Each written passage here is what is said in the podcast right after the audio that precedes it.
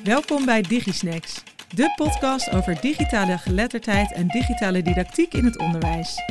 In korte bites van ongeveer een kwartier gaan we op zoek naar praktijkverhalen over digitale tools en werkvormen die je meteen kunt toepassen in jouw lessen van morgen. Welkom bij deze zevende DigiSnack. Vandaag gaan we het hebben over de ondernemende kunstmatig intelligentie Lama, ja ja, met Jeroen Loef, hogeschooldocent ondernemerschap aan de Hanse Hogeschool Groningen. Hij doet ook nog promotieonderzoek naar de effectieve ondersteuning van het ontwikkelen van ondernemerschap. En hij is auteur van het boek Zo run je een studentenbedrijf. Nou, uh, flinke introductie Jeroen. Nou, met deze introductie kan ik naar huis. Zeker. Ja, nou, dan, dan zijn we nu klaar. Nee, maar uh, ja, jij hebt ervaring met het gebruik van kunstmatige intelligentie voor ondernemerschapsonderwijs. Klopt. Een bijzondere combinatie. Ja, het um, komt voort uit een, uh, nou eigenlijk de introductie die je net deed over ondernemerschapsonderwijs, uh, waarbij wij als doel hebben om studenten het ondernemen te laten ervaren. En vooral de stappen die daarbij komen kijken. Je hebt verschillende mijlpalen en het doel dat bepaal jij als student zelf. Uh, maar het startpunt is wel altijd een concept of een idee waarmee je je onderneming gaat beginnen. Ja. En onze ervaring leerde eigenlijk dat de studenten daar de grootste mogelijke moeite mee konden hebben. Er zijn groepen die, uh, studenten die meteen vanaf moment één doorhebben. Dat is het vehikel waar langs je, waarmee je langs je die verschillende mijlpalen gaat.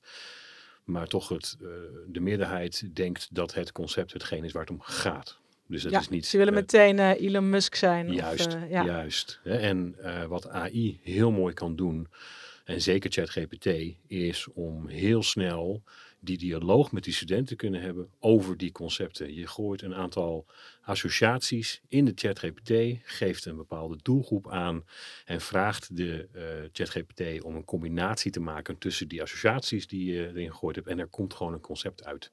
Ja. Binnen 10 seconden. Want heb je dit dan ook bijvoorbeeld met de hele groep gedaan? Of, Ja. of hoe werkt dat precies? Ja, ja, we hebben de introductie van ons, uh, uh, ons ondernemerschapsprogramma, wat bij ons 20 weken is. Uh, 190 studenten in een grote zaal. Uh, gevraagd aan die studenten: Goh, noem nou eens wat uh, branches, wat winkels, wat producten, wat je, wat je leuk vindt. Die hebben we in een, in een wheel decide gegooid. Een, een, een, rad wat je kunt Ja? draaien, waar je dan zeg Oh, ja. die draaien we twee keer. En die twee die daaruit kwamen, hebben we in de ChatGPT gegooid. Van joh, ChatGPT, zou je hier nou eens een concept tussen deze twee uh, associaties, deze, deze uh, concepten ja? willen bedenken. Kun je, kun je een voorbeeldje geven? Jazeker, Ja. ja. ja. Dat was um, studeren kwam eruit.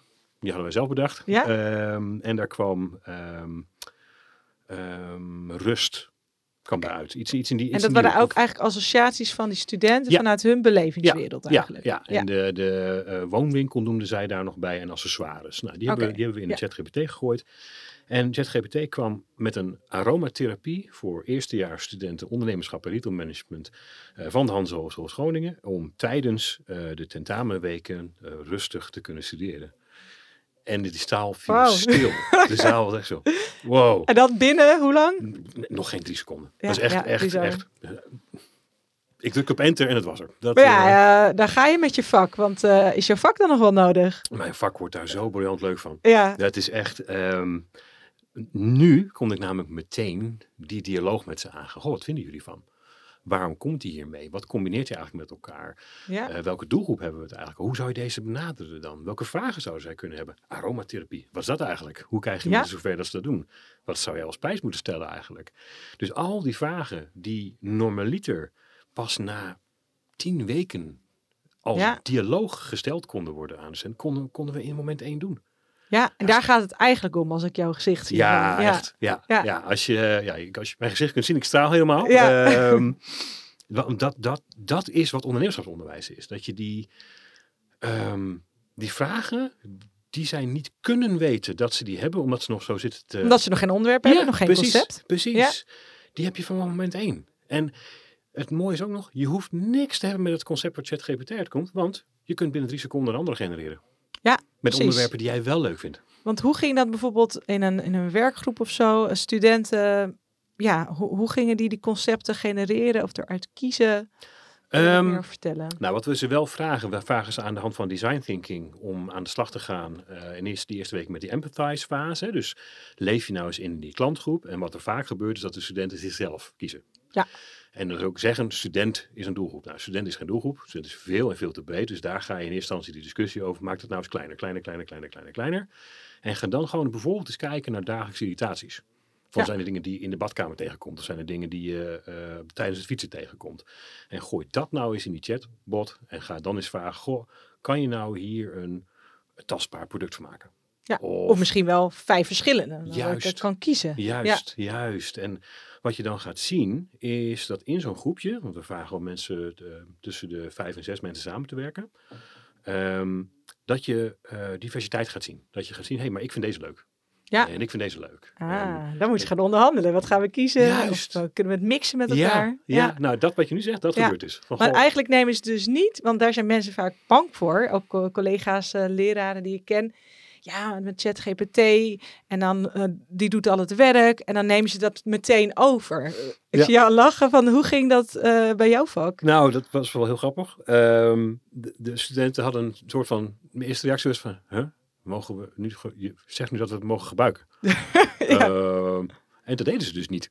Oh, zo, dan was denk ik niet meer leuk. Nee. Ja. Nee, het was, ehm, nou ja, een beetje, beetje, ik koppel dat een beetje aan pubergedrag dan van het is niet meer verboden. Ja, en, en dus is het niet meer leuk. En ehm, maar ik denk ook, hè, op het moment dat je ehm, dan er vragen over gaat stellen, want daarvoor was het een geheim hulpmiddeltje. Het was in de, Ja, dus je deed het in de thuissfeer in Ja, je eentje, ja. stiekem. en nu wordt het opeens een lesmiddel. Ja. Nu gaan we opeens het erover hebben. Van, ja, maar wat heb je erin gevoerd dan? En dan is het Precies. de makkelijkste oplossing zeggen, ja, ik heb het niet gedaan. Ja, ah, dan hoef ik ook een gesprek over te hebben. Ja. Hè, dus wij zijn nu wel aan het kijken. Eh, we doen bijvoorbeeld ook beursplannen, salesplannen, eh, organisatieplannen. Ja, ook dat kan je gewoon in die chatbot vragen. Wat is de meest voorkomende manier van om dit te organiseren? Ja. Alleen het gaat wel om die vraag. Op het moment dat Precies. jij niet de goede vraag stelt, dan komt hij met onzin. Want zag je dan ook verschillen tussen de groepjes? Ja, absoluut. Je, ehm, ehm, je kon letterlijk zien waar men algemeen bleef. Dus als je bijvoorbeeld alleen maar vraagt, maak eens een persona voor mij. Ja, Ja. Wie, ja, precies. Wat zoek je dan? Ja, precies. Dat is gewoon een compleet algemeen verhaal je. Ten- Terwijl als je vraagt, joh, zou je voor mij een persona kunnen maken met deze en deze, deze kenmerken, die we uit dit en dit onderzoek hebben weten te halen, en het moet eh, slaan op eh, uiteindelijk eh, de critical events en de touchpoints, dan kwam er een verhaal uit. Wow, dat was best goed. Precies, want Voor- je hebt het nu over een persona, dus dat was wat later in het proces, Ja. denk ik, hè? Klopt. Ja. ja, waar ze echt met hun positionering bezig moesten enzovoort. En dat- En gingen studenten dan uit zichzelf die, die ChatGPT er weer bij pakken? Of? Ja, de goede groepen, de, de, die, die ook echt de, ehm, ja, de lol gewoon hadden. Die zag echt een stukje passie ontstaan van, hé, hey, maar dat kunnen we daar eens even aan vragen. Er was één groepje, briljant, die, eh, die hadden een multitool bedacht die je achter op je telefoon kunt, eh, kunt plakken. Leuk idee. En die zaten een beetje te dubben over de site. Hoe gaan we die nou eens noemen? Ja, Dus die hebben een aantal vragen gewoon gesteld aan ChatGPT. Van, goh, welke komt nou eigenlijk het meeste voor? Eh, wat zou eh, de lading het beste dekken? En de ChatGPT deed op een gegeven moment zelf ook suggesties. Nou, dit zou ook nog wel eens een optie kunnen zijn. En dan zie je dat ze echt letterlijk in dialoog zijn. in interactie. Ja, Dus eigenlijk pakken ze het niet over, de goede studenten, maar ze gaan ermee in gesprek. Ja.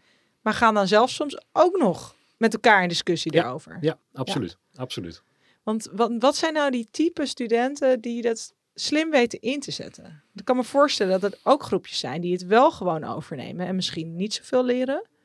Of ja, hoe zit dat? Ehm, Zeg maar, wat ma welke student leert hier nou mee en welke student minder? nou, ik denk de student die ehm, het als een hulpmiddel ziet. Ja. Dus die doorheeft van, hé, hey, door ehm, dit te gebruiken, net zoals een boek, net zoals een rekenmachine, net zoals de docent, wij zijn ook een hulpmiddel, Ja. ehm, kan ik mezelf ontwikkelen, kan ik verder komen. En de student die dat gewoon nog niet doorheeft, en dat is ook iets wat bij studeren hoort, je moet op een gegeven moment ook leren van, hé, hey, hoe leer ik eigenlijk?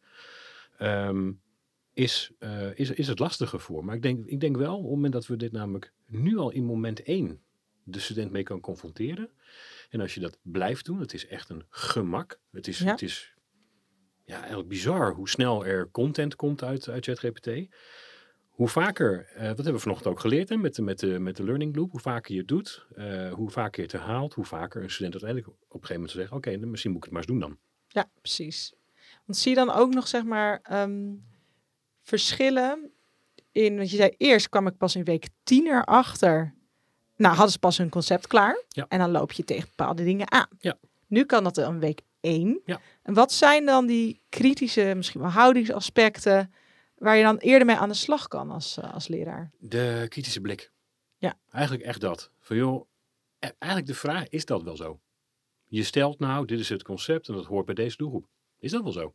Ja. Waar komt dat nou vandaan? Hè? Dat, en dan kom je er echt wel snel achter, joh, ja oké, dat heeft de chatbot jou verteld, maar hoe komt die daaraan dan? Hè? Ja. Wat, wat heb je die gevraagd dan? Dus de, ehm, ehm, de mijlpalen, die ik net al benoemde eigenlijk, die worden vele malen sneller inzichtelijk, waarbij je echt tegen die student kan zeggen, maar het lijkt wel alsof je hier links afgeslagen bent, terwijl je eigenlijk rechts wilde. Ja, ben je nog op koers? Ken je nog op en, koers, eh, ja. Ja, is ook een beetje reguleren van het Ja, eh, zeker. eigen leerproces. Ja. ja. Maar uiteindelijk moet ze bij jou iets echts maken, hè? Ja. Want ja, ChatGPT gaat alleen maar over taal, Ja. maar ze gaan er echt iets mee doen. En daar zit ook nog een hele stap tussen. Ja. Misschien ook best wel spannend voor, eh, voor de studenten. Nou, daar, daar zit die, ehm, eh, het stukje vertrouwen. Ja. Dat je, juist omdat je vele malen eerder in tijd dat gesprek kunt hebben over, maar waar hebben we het eigenlijk over? Wat zou je nou eigenlijk in die markt willen zetten? Neemt de, eh, de curve van zelfvertrouwen, die begint eerder. Ja. En die neemt ook steiler toe. Want je kunt letterlijk gewoon het gesprek er eerder over hebben. Waardoor eh, die stap om het daadwerkelijk echt te maken, van ga nou eens dan ook daadwerkelijk een leverancier bellen of Ja, doe een bestelling bij eh, site X, ehm, gebeurt eerder. precies. Het is sowieso spannend, maar nu doe je het eerder, waardoor je kans hebt om het Ja. nou, herhaaldelijk te oefenen. En het te ervaren. Te ervaren van, oké, oké, we gaan dit gewoon inkopen. Ja, gewoon bellen. Gewoon en doen. dan- Ja. Ja. En hoe ervaren die studenten dat zelf? Want je zegt een, eerder een steilere leercurve. Maar eh, Ja. leren is niet altijd makkelijk natuurlijk.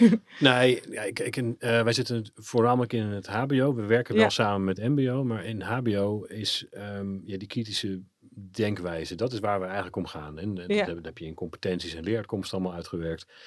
Ehm, en eh, wat de student daarvan merkt, is dat ook de student eerder die dialoog met zichzelf kan hebben. Die kan Ja. eerder die vragen stellen. Wat zij zelf aangeven. Kijk, die student weet niet anders. Dit is de student die is de ja, digital die heeft het niet anders ervaren nu. Die, die, Ja. die heeft niet het idee van, goh, dit is nou heel gek. Die reactie van het mag opeens was omdat het ervoor niet mocht. Ja. Ehm, en nu zeggen wij, omarm het alsjeblieft, want dat helpt je alleen maar.